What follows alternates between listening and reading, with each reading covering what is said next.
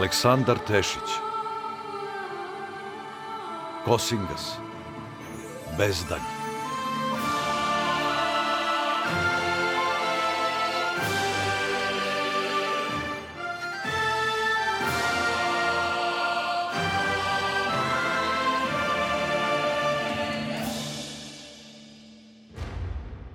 Epizoda deveta.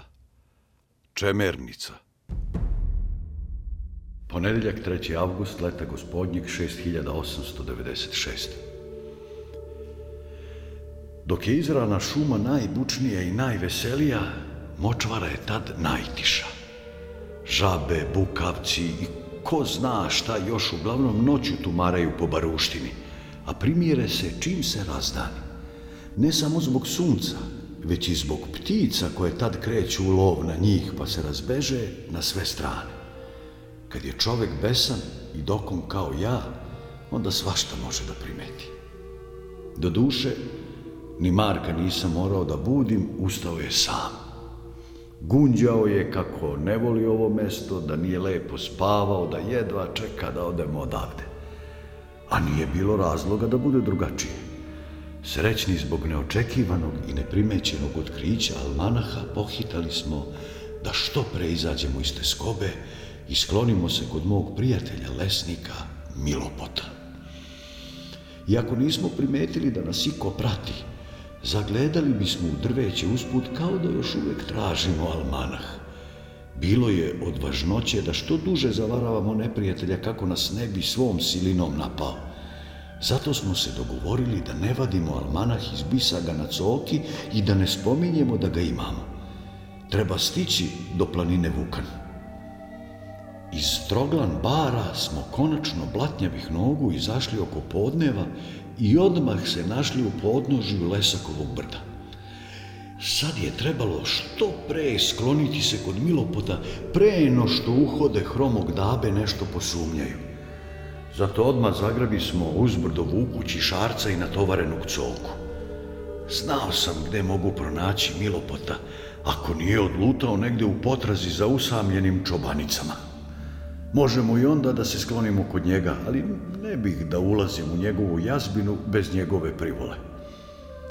Lesakovo brdo je inače vrlo visoko i strmo, a mestimice prekriveno šumom. Negde na sredini ima jedan kameni krš u kome se krije ulaz u Milopotovo skrovište, ali nije ga lako pronaći iako sam više puta dolazio kod njega. Jednom sam skoro celu zimu proveo kod njega. Snegovi su bili veliki, a mraz jak, pa je bilo opasno lomatati se napolju. Kao i kod drugih vilinskih staza, važnoće je pronaći je i ne silaziti s nje. Ali dotad možeš i ostati bez nogu dok ti duša na nos izbija.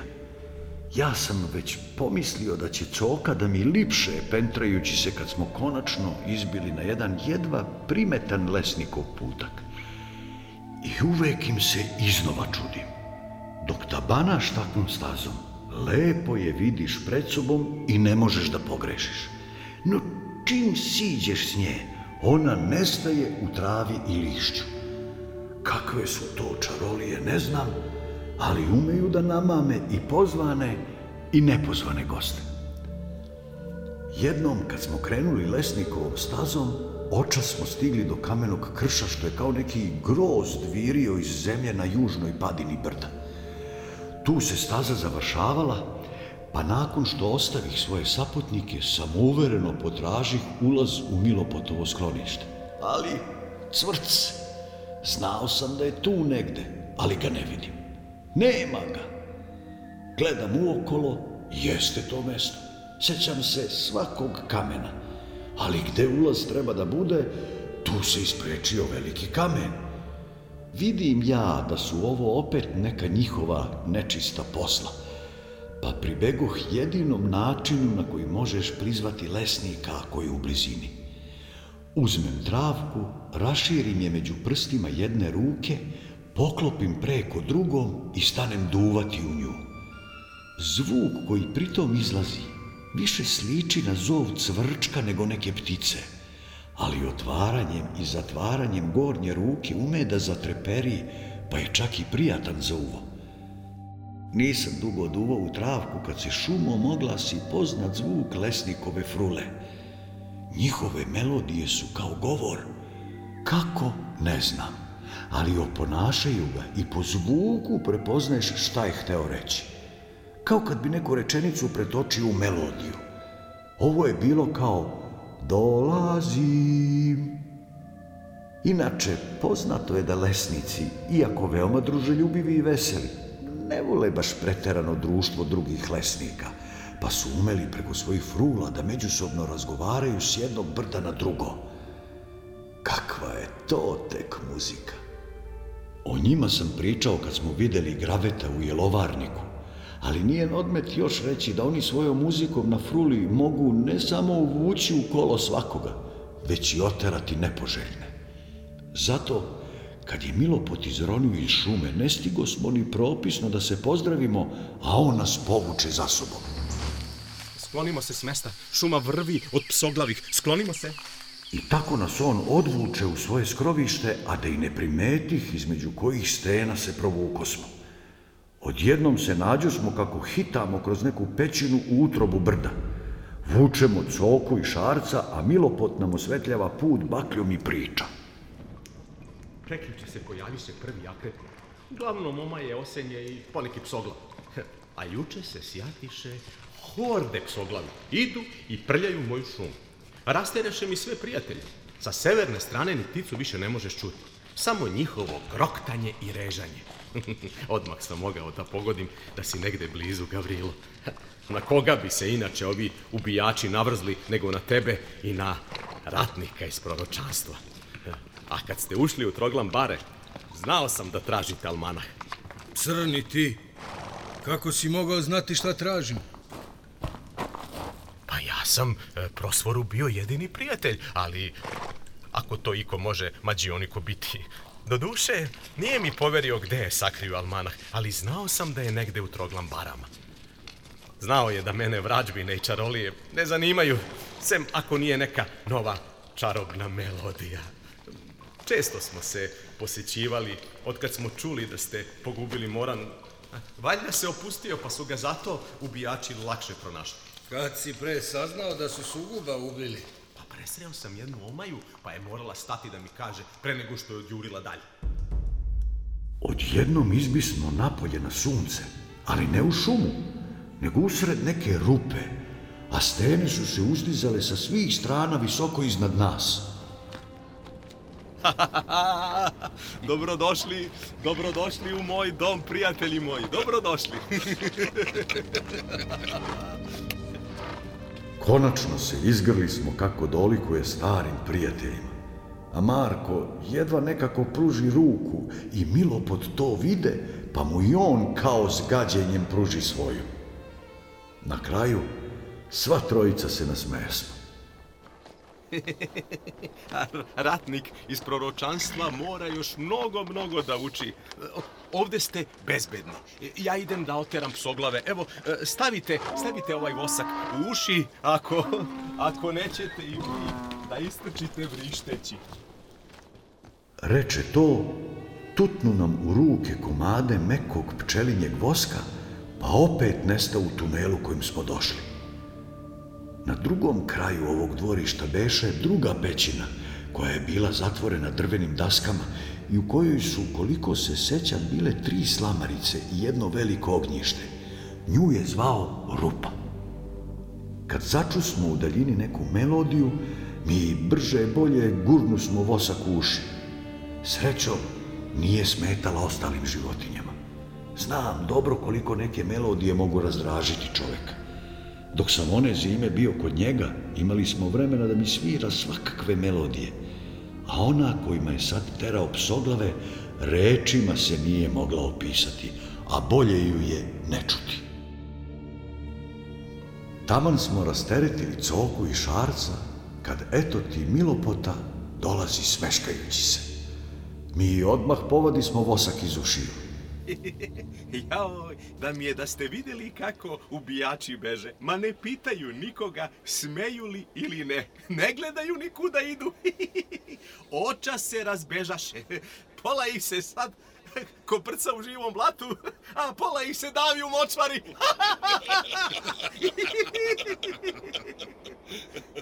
Iz rupe donese veliki drveni bokal, Marko se brk osmehnu jer odmah oseti miris rujnog vina. Evo, prijatelji moji prijatelji, evo, ovo vino mi stalno donosi jedna e, pastirica iz ravna. a, već se e, više dopadam e, tvom prijatelju, jeli Gavrila? A? Ne može čovek da se ne smeje lesnikovim šalama. Uvek su dovitljivi i ništa im ne može promaći. Kad je posle izneo i veliku drvenu zdelu punu tvrdog sira, Marko dobaci. Sad si mi još draži. I dok mi posjeda smo na jednu klupu za stolom nasred ovog dvorišta, Milopot iznese još pogače, luka i kaiš slanine. A mi kao utekli od gladi, navalili pa ne biramo šta ćemo pre. Lesnik se samo smeje i dobacuje pošalice. Voli on da se smeje i na svoj račun, nije sujetan ni uvredljiv, ali najdraže su mu masne šale na račun žena. Nije i sad lepo ponavljati, ali Marko ja se više put zagrcnu smo od smeha.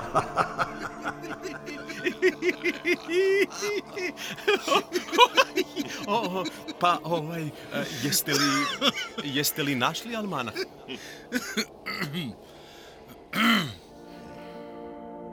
Priguši nam se smeh, a Marko pogleda mene. Ne nameravah ni Milopotu da kažem. Ne zato što nisam imao poverenje u njega, već da bih ga zaštitio ako ga se očajni bezdušnici dočepaju. Ali ne beše svrhe lagati niti prečutkivati nešto o čemu već zna. Jesmo. U jednom deblu. Uf, pa sad će mnogi da zinu od čuda i od zavisti. I tebe bi da bace na muke da saznaju što više. To je tačno, prijatelju. Ali umem ja da se čuvam. Zato se nećemo ovdje zadržavati duže no što moramo. Kad padne mrak, ti nas provedi svojim tunelima što dalje na sever. Pa ćemo dalje nastaviti sami. Da, verujem, verujem. Verujem da znate šta vam valja činiti, pa vas neću ni pitati. Znamo vrlo dobro. Ha, kažu da ratnik iz proročanstva mora uspostaviti znamenije, a svakojaki bi vas u tome omeli. No, kažu i da je put u bezdan samo u jednom pravcu. to govoraše i za ad. Pa evo me sad. Jedem i pijem s tobom. I to je tačno, prijatelju moj. Nego da ne znaš ti tačno gde je ulaz u bezdan. Svi znaju da postoji, ali niko ne zna kako se dolazi do njega. Negde ulaz mora postojati. Ne, ne, ne, ne zalazim ti ja u omulje, a ponajmanje u velike krš. To je zemlja kojom hode opasnici, a moj dom je ovde, ali... Šta? Dovoraš i šta si hteo reći? Ima neko ko to sigurno zna, ali bolje da se ne petljate s njom, nego nastavite vi dalje. Ko? Ko? Bolje nam kaži, pa da prosudimo zajedno. Zlodeja. Lice straha. Užasno je ono što se desilo Derovu. Plakao sam za njim, nema ko u šumi da nije tugovao, koga nije voleo. E, jedan od posljednjih njegove sorte ode slavno među svoje pretke. Upravo si, prijatelju. Držat ćemo se našeg plana. Zlodaju ne treba dirati. Nju i ne ljudi zaobilaze. Pa ćemo i mi. Idemo u ždrelo. Ovaj put se, ovaj put se slažem e, s tobom, Gavrilo. Naći ćemo ulaz u taj bezdan. Začuta smo na tren. Sigurno svi razmišlja smo o zlodeji. Beše me strah i da mislim na nju. Strah me i sad kad pomislim na nju. Kao ni tad, ni sad neću ni reč kazati o njoj. Daleko bilo. Pomeri se s mesta, Jakov. Pa, pa ma, mogli biste da mi pokažete taj, taj almanah? Ja sam se naslušao svačega o toj knjizi. Pa, Zanima me, zanima me kako izgleda. Marko se malo uzvrpolji pa me poglednuje ispod oka, ali ja nemah nikakvu sumnju. U ovog lesnika imah poverenje kao u starog deroma. Zato mu je donesoh i on je sam izvadi iz vreće. Vidim kako se naslađuje dok je razgleda, pa je lista i zagleda crteže. Marko podiže obrve, pa me u čudu pogleda, ja ništa. Kraljević se nakašlja, ne bi li mi skrenuo pažnju. Nije mu jasno šta lesnik radi. Da možda ne čita neki urok ili vrađbinu. Vidim da mu nije sve jedno.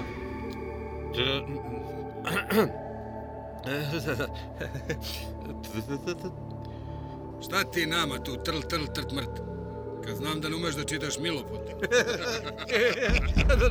Dobro, da. pa i to je, to je tačno.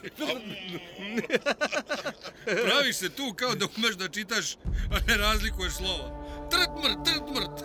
Svašta. Lesnik beče duhovit. Svaku priliku bi da preokrene u šalu. S njim se uvek moglo smejati.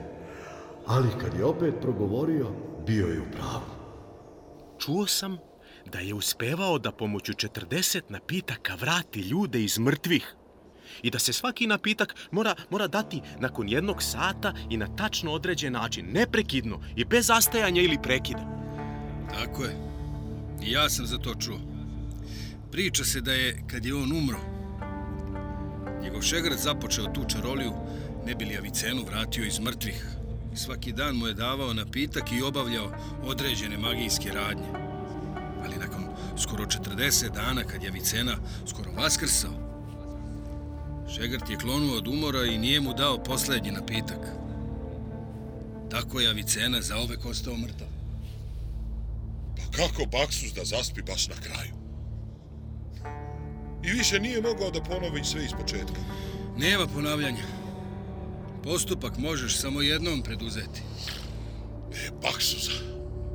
U dobrom društvu vreme uvek brzo proleti, kao da namerno brže prolazi. Pa kad se smrači, mi se nedrage volje pokupismo da krenemo dalje.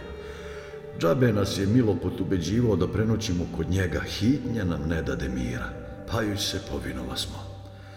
Lesnik nas povede s bakljom kroz tunele pod svojim brdom, ubeđujući nas da će nas provesti do izlaza za koji niko se njega ne zna.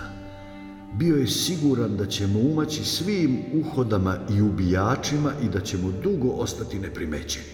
A to nam je i bio cilj, jer zbog almanaha će nam svaki čarobnjak ili veštica raditi o glavi. Pred zoru Milopot nas konačno izvede napolje.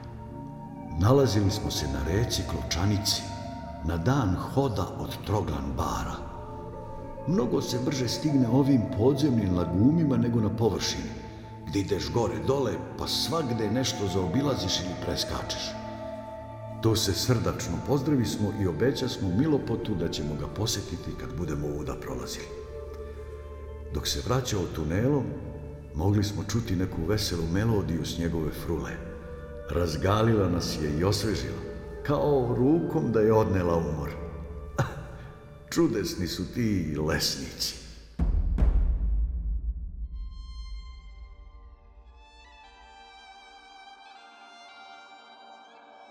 Duž korita kločanice viogala je utabana putina, koja je vodila ka severoistoku do mesta Lisine, gdje se kločanica, a posle suvaja, ulivala u Resavu. Odatle, Gore na Beljanicu vodi staza koja se redko pohodi, a koju pogotovo ne ljudi izbegavaju jer seče jednu prastaru čarobnu šumu. Čarobna je prava reč, jer u njoj žive najstarije stabla ovim krajevima koje ne vole nepozvane putnike i slučajne prolaznike. Beljanica beše jedno od redkih mesta na kojima si bezbedan od uhoda i zada psoglavih i sličnih bezdušnika. Do duše to nije važilo i za podzemne lagume i pećine koji su vrvele od svakojakih napasti i u koje nisi smeo ni proviriti. No bilo je sasvim dovoljno biti bezbedan na površini. A sa starim stablima uglavnom nisam imao neprilike, mada ima nekih prgavih koje valja zaobići u velikom krugu. Čarobna beše i Milopotova frula, jer njegova melodija držaše naše noge laganim skoro celo prepodne. Tek kad stigo smo na suvaju, gde kločanica čudesno ponire u zemlju i nestaje, osjeti smo prvu težinu u nogama. Tu počinje i kanjon sa strmim liticama, pa se leva strana zove Babina glava, a desna pričelje. To je pusto i suvo mesto, ali srećom se brzo prođe, pa kao da ni kločanici nije drago, pa ga zaobilazi s donje strane, a izbija opet iz jednog vrela pred samu lisinu. Tu se uliva u veliku resavu, a treći krak čini čemernica koja dolazi iz Beljanice i donosi više vode. Malo je sela u kojima usamljeni Kosingas nije znan i dobrodošao, pa ni lisine ne behu izuzetak. Selo se lepo smestilo na tromeđi tri reke, pa je bogato ne samo vodom, već i ribom koja im beše glavni izvor hrane. Tridesetak kuća pristojno uređenih s dobrim domaćinima i vrednim ljudima. Negde na sredini sela živeše Krasimir sa ženom u Belicom, majkom Mugajom i čerkama Jefimom i Budinkom. Svakako nas opet seljani dočekaše uz viku i galamu, a deca se stadoše penjati na sirotog coku koji umalo da tu baldiše. Poskakuje da čurlija oko nas, pa se hvata i zagleda Šarca i Markov topus. Meni se penju na krkače. Prilaze i žene, pa bi da mi ljube ruke, a muškarci me grle i ljube kao najrođenijeg. A ja im pamtim imena, jer nema veće sramote za čoveka ako mu se imena ne setiš. Odmah će pomisliti da tvome oku nije drag. Tako i svakog oslovim imenom, potopšem po leđima i svima predstavljam Marka. No džabe je to sve, jer svi već znaju za kraljevića Marka i da nas dvojica sad zajedno krstarimo zemljom i delimo pravdu, kako oni kažu. Veće sreće za sirotinju i nema. Dva kosingasa umjesto jednog. Tako dođu smo i pred Krasimirovu kuću, ali tu nas dočeka samo njegova majka Gaja, ucveljena i sa crnom maramom na glavi i njene dve unuke od po pet, šest leta, Jefima i Budinka a deca lepa na oca, jedra i zdrava, crne kose i crnih prodornih očiju, ma dve polovine jedne rumene jabuke. Drže se za ruke i ne mrdaju od babe koja se oslanja na štap. Posjetio sam ih lane, ali babagaja nije bilo ovako propala. Uplaši se najgoreg, jer ništa čoveka ne može tako lako sahraniti nego kad roditelj izgubi dete. I ljudi to znaju pa kako se primako smo Krasimirovoj kući, tako žagor polako utihnu pred bolom. Plašljivo zagrli babu i ona mi zajeca na ramen. Šta se desilo, stara majko? Jesu li Krasimir i Belica dobro? Jesu oni dobro. Nego im se sin upokojio. Pa kad su to dobili sina? Nisam znao. A nema ni 40 dana. Al, odnesoše ga proklete babice. Kako to dosta ne dočuva? Otkud ja znam? Oj, oj, ne da se mu sinu da dobije naslednika. Neće ostaviti mušku glavu u kuću. Pa će se ognjište za svak da ugasiti. E, da si došao nešto ranije, sine Gavro. Mogao si oterati te demone i spasti mu dete.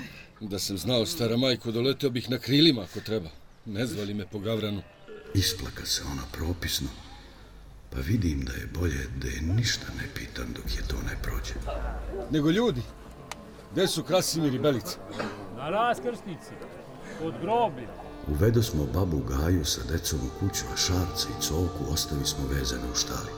Tek onda krenu smo da tražimo Krasimira i Belicu. Ljudi nas dalje nisu pratili, nego ostadoše ispred kuće.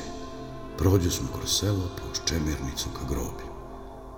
I tako na raskršću, gde jedan put vodi pored groblja za strmoste, a drugi dalje niš čemernicu, zateko smo Krasimira i Belicu kako stoje ukipljeni. Kad Marko i ja priđe smo bliže, imamo šta da vidimo. Iznad puta gde je groblje neko se sahranjuje i neki pop drži opelo, a na raskrsnici stoje uplakani roditelji i umotanog u platnu drže mrtvog im sina. Marko se izduži lice, a meni zastade knedla u grlo. Krasimire, brate. Na to se on okrenu i na trenu oči zacakliše od radosti. Ali odmah mu se preplaviše suzama. Belice ne mogaše da se osmehne, već i ona stade liti suze po malom smotuljku koji držaše. Krasimir ne reče ništa, nego samo raširi ruke da se zagrlimo. Jecao mi je na ramenu dok sa groblja ne zakuka jedna žena. Leleče ona nasav glas dok pop drži opelo nad otvorenom rakom. Nekoliko ljudi stoji skrhano kraj nje i pokušava da je neutešno umiri. Krasimire, brate.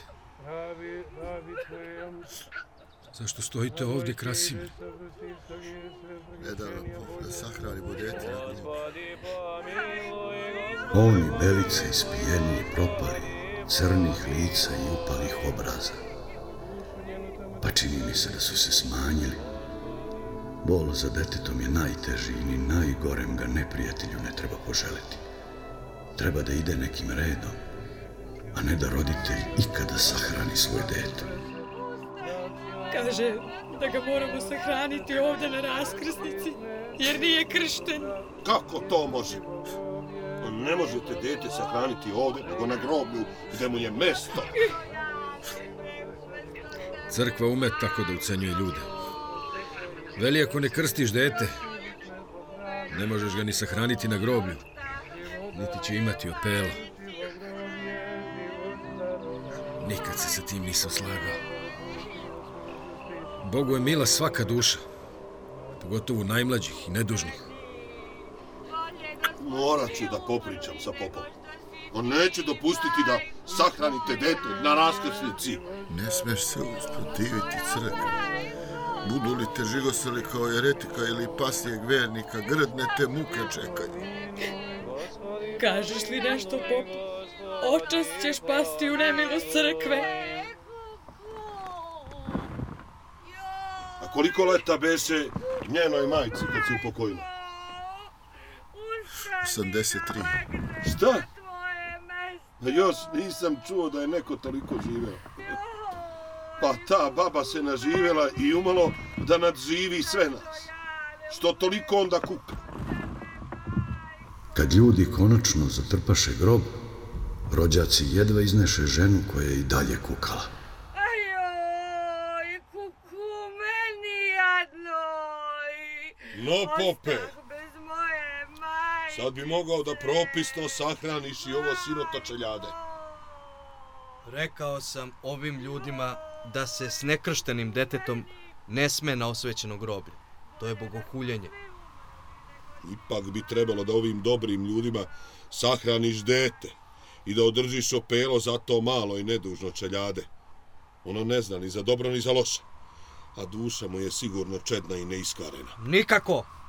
Crkva ne sahranjuje nekrštene. Bože, sačuvaj. Rekao sam im da sahrane dete na raskrsnici gde su i druga nekrštena deca. Slušaj, pope, hoćeš li da održiš opelo ili te moram natrati?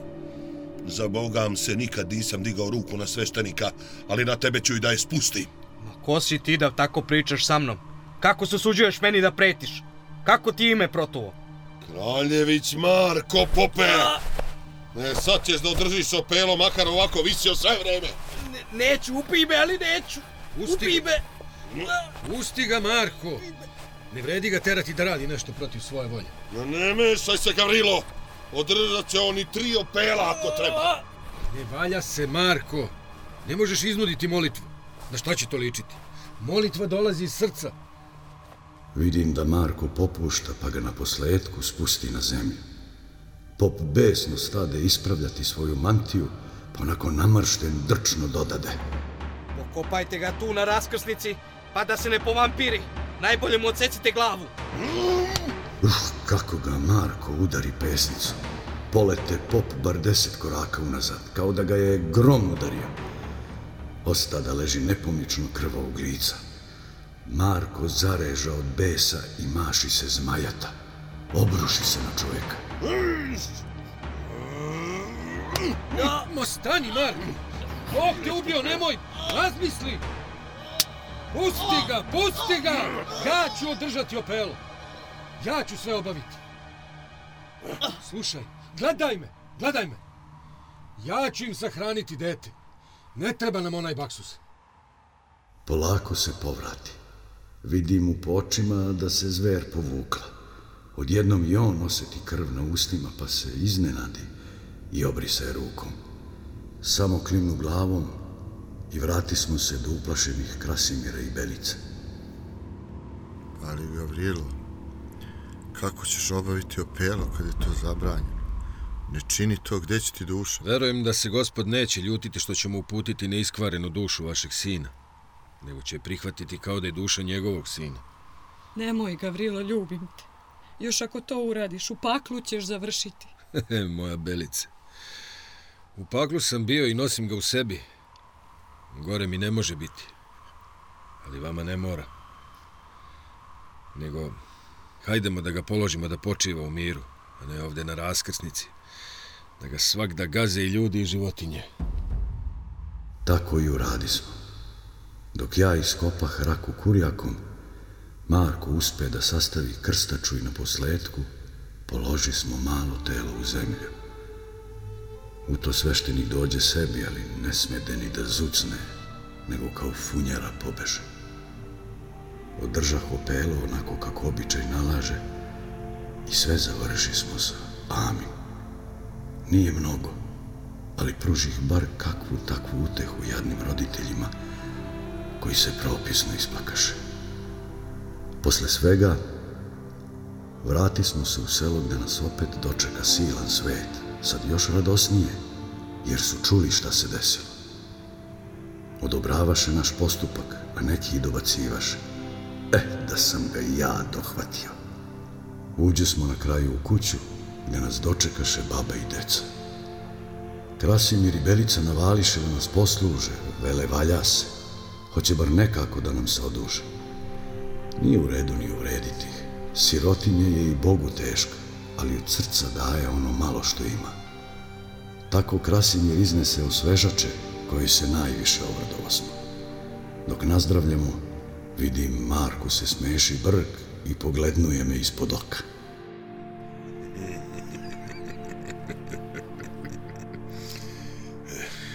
Šta ti je sad smešno? Ništa. Samo te gledam. Pa, Pa eto. Ja pored tebe zavoleh da spavam pod vedrim nebom, a ti pored mene zavole da piješ rakiju. Moram priznati da je bio u pravu. Popismo nas trojica tikvicu dok nam Belica ne iznese poparu sa sirom. Slatko je pojedo smo uz priču s domaćinom s kojim razmeni smo vesti. Kad on ču da idemo na Beljanicu i još kroz staru šumu, on se začudi i neskriveno zabrinu. Bolje da je zaobiđete. Niko je ne pohodi, čak ni zveri. Znam neke koji su tamo zalutali i nikad se nisu vratili. moramo se skloniti od nepoželjnih pogleda, Krasimire.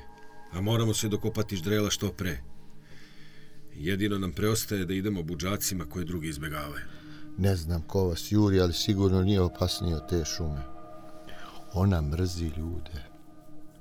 To je živo zlo, to drveće se kreće. Nije zlo, prijatelju, nego se brani, čuva se. Ne znam. To je kakvo začarano mesto. Nedavno neki lovci videše jedan golem panj kako grabi kroz šumu. Razbežaše se kao zečevi. Panj, kažeš? To može biti gobina. Treba mi da krenemo još za dana. Zar nećete ovde prenoćiti? Ne smemo, prijatelju, nije bezbedno za vas. Prate nas neki ubijači, pa neće valjati da nas ovde zateknu. Vidi domaćin da je opasno, pa slegnu ramenima. Odjednom se trže, pa dobaci Belici. Ženo, spakuj im nešto hrane. Ne mogu ljudi gladni na put. Nemoj, Krasimire, nemoj kad ni za svoju decu nemaš dovoljno. Kao što reče Marko, pošto mi se rakija osladila. Daj nam malo za usput, a za hranu ćemo se lako snaći. Ma daćemo vam i rakije i dimljene ribe. Toga bar imamo. Belice! Spakuj! Kad ti sirotinja daje od srca, onda im od srca i zahvališ. Pa se na posledku izljubi smo, a Marko ostavi nekoliko perpera zlatnoj deci. Svi nas ispratiše do izlaza u selo, dakle nastavi smo sami. Popodne je već bilo odmaklo. Kad smo prošli pored raskresnice i groblja, vidim da se Marko smeška. Ne rekoh mu ništa, ali i meni beše po volji. Nastavi smo uz čemernicu uskom stazom dok su se s leve strane uzdizale okomite litice. Nadao sam se da ću još po svetlu da nađem stazu koja je vodila do stare šume, ali zateče nas sumrak. Takve vilinske staze možeš olako proći. Srećom, nađi smo jedan proplanak kraj reke, pa tu zakonači smo. Očas sakupi smo suvog granja i dok sam pustio coku i šarca da pasu i da se napoje, Marko je već raspalio vatru. Misliš da smo bezbedni u toj staroj šumi? Čuo si šta kaže Krasimir? Ne brini. Bio sam ja tamo više puta. Ima do duše stabala koja nisu gostoljubiva i treba ih se kloniti. Ali najvažnije je pokazati im poštovanje koje zaslužuju. Oni su tamo gospodari, a mi smo prolaznici. Budemo li našli i gobinu, bit će još bolje. A kako nismo prethodnu noć spavali, obhrvanost nas je ubrzo sustigla, pa je Marko zahrkao, a ja sam se ispružio kraj vatre i žmurije. Bila je mirna i tiha letnja noć. Prosto da čovjek slatko zaspi. Onaj ko može.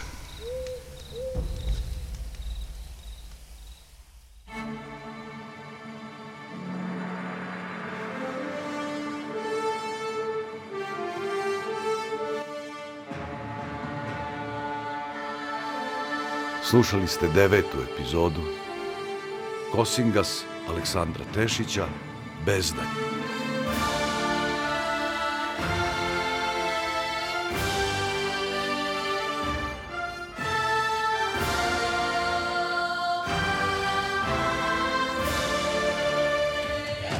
Uloge su tumačili Radoje Čupić, Dejan Šarković, Ljubiša Milišić, Jugoslav Krajinov, Sanja Mikitišin, Mija Simonović, Milovan Filipović, Nataša Milišić, Marko Savković.